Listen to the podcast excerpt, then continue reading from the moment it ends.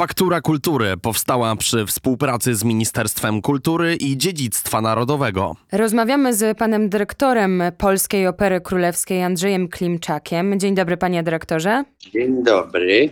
No to opowiedzmy na początek o repertuarze. E, Zbliżają się święta. Czy Opera m, Królewska, Polska Opera Królewska e, szykuje e, wydarzenia w związku z Bożym Narodzeniem? E, Co w najbliższych dniach w repertuarze? Och, tak, szykujemy, szykujemy coś wspaniałego, bo to będą jedyne swego rodzaju mm, takie przedstawienia przygotowane specjalnie właśnie na ten okres Świąt Bożego Narodzenia, czyli wracamy do źródeł polskiej kultury i muzycznej, no i właśnie takiej wokoło pastorałek, kolęd. E, To będą pastorałki staropolskie. Taki tytuł przedstawienia. Chciałem, żeby w operze królewskiej pojawił się właśnie taki spektakl, coś jak było pastorałka Schillera, to bardziej do teatru dramatycznego, a tutaj brakowało nam w operze takiego przedstawienia mm, muzycznego, wykonywanego w większej e, części przez śpiewaków operowych, przez aktorów i mamy coś tak przygotowanego właśnie na tę okazję. To była w zeszłym roku premiera, w tym roku przedstawienia będą już za chwilę, bo, bo e, 15, czyli jutro i 16, po czym po świętach 29 i 30 grudnia i jeszcze po nowym roku 3 i 4 stycznia. Także tak dużo mamy tych przedstawień, ponieważ jest y, ogromne zapotrzebowanie. Już dawno nie ma biletów. To jest nieprawdopodobne, jak y, ludzie jednak chcą zobaczyć takie przepięknie zrobione przedstawienie dla dzieci, dla młodzieży, dla wszystkich. Jest tutaj bardzo dużo ciekawej muzyki, zresztą muzyki staropolskiej, ale przygotowanej specjalnie na nasz zespół e, instrumentalistów, który mieści się w tym kanale w, Operze Królewskiej w Łazienkach, w tym Teatrze Królewskim. No i to przygotował nasz taki specjalista od muzyki dawnej, czyli Jacek Urbaniak. To, to bardzo piękne takie sięganie do korzeni pięknie też słyszeć, że jest duże zainteresowanie.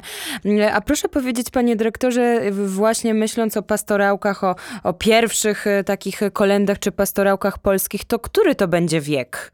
No, wie pani, to jest ym, od czasów najdawniejszych, ale y, sięgamy do renesansu, do baroku i, e, i nawet do melodii, który, które dzisiaj znamy. No i y, z tego, co pamiętam, to ym, dobieraliśmy, to właściwie Jacek Urbaniak y, dobrał muzykę do tych tekstów Władysława Zgielnio, Zgielniowa, Wacława Szamotu, Sebastiana Klonowica, Mikołaja Gomułki, Mateusza Wajseliusza i różnego rodzaju jeszcze mm, mm, no, z muzyki również renesansowej naszej, ale powiedziałbym tak, mm, że także anonimowych kompozytorów. Nie znamy nazwisk, ale to jest wiek XVI, XVII. Także sięgamy naprawdę do źródeł tej tradycji. E, Wszystko odbędzie się w Teatrze Królewskim w Starej Oranżerii w Muzeum Łazienek Królewskich w Warszawie oczywiście. Tak, E, Czy, czy może pan słowo też o, o tym miejscu, o tej przestrzeni powiedzieć? no przestrzeń jest wspaniała, bo to przestrzeń jedyna w Polsce, a jedna z absolutnie nielicznych w Europie całej, ponieważ to jest e, oryginalny, zachowany dzisiaj e, teatr e, XVIII-wieczny. I rzeczywiście jest to wspaniały obiekt, ale szalenie trudny, ponieważ no, to jest obiekt muzealny. Tutaj e, scenografię e, zrobić i wykonać spektakl. mm, To jest, to jest ogromna trudność. No dużo by opowiadać, ale coś za coś. Piękny teatr, którym musimy, e, musimy szanować tę substancję po prostu muzealną, co tu dużo mówić. Ale mamy rzeczywiście fachowców wspaniałych, bo Itka Stokalska, nasza e, reżyser, która e, no, wyrosła, że tak powiem, w tradycji jeszcze nawet dejmkowskiej.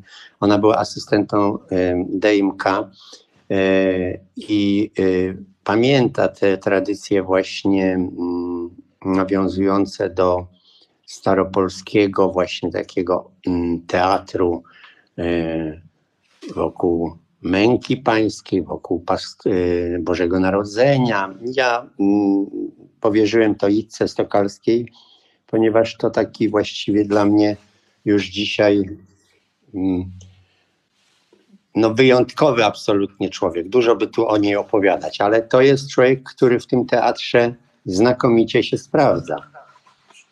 E, Ale o czym jeszcze chciałem powiedzieć? To Itka Stokalska, natomiast scenografię zrobiła Marlena Skoneczko.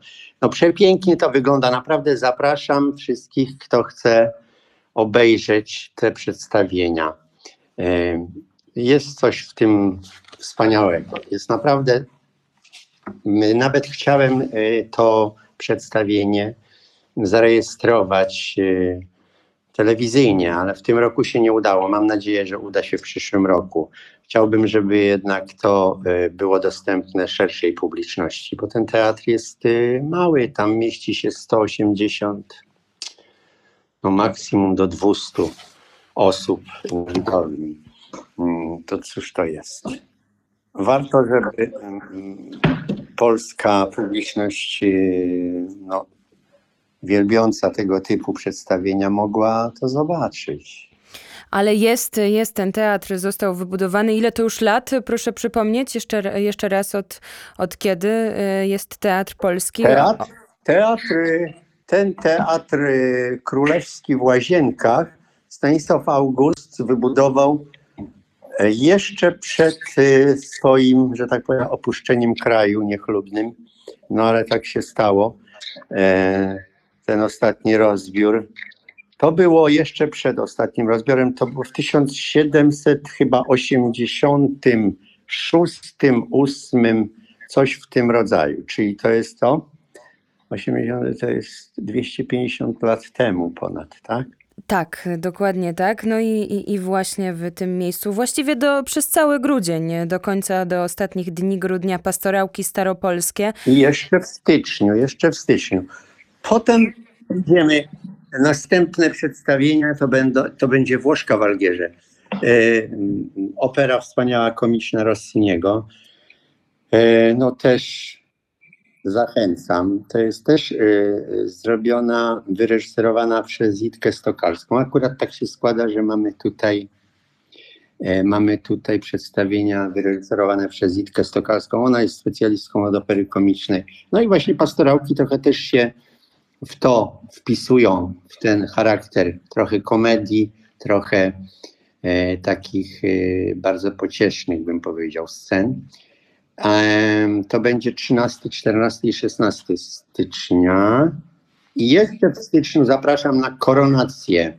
Koronacja Popei Klaudia Monteverdiego.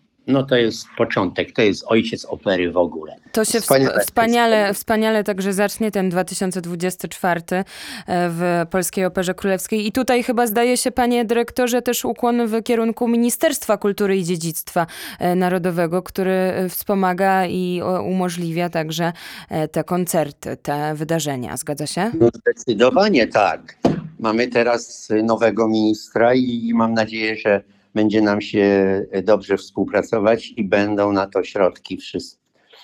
Jak zwykle, jak były do tej pory, także tu się, mam nadzieję, nic nie zmieni, bo e, opera mm, w takim wydaniu klasycznym bardzo i takim szanującym również kulturę polską, e, pielęgnującym kulturę polską na pewno jest potrzebna, bo widać po naszych przedstawieniach, które no właściwie się sprzedają zawsze. Koncerty i przedstawienia e, sprzedają się fantastycznie. Ludzie domagają się ciągle więcej, więcej.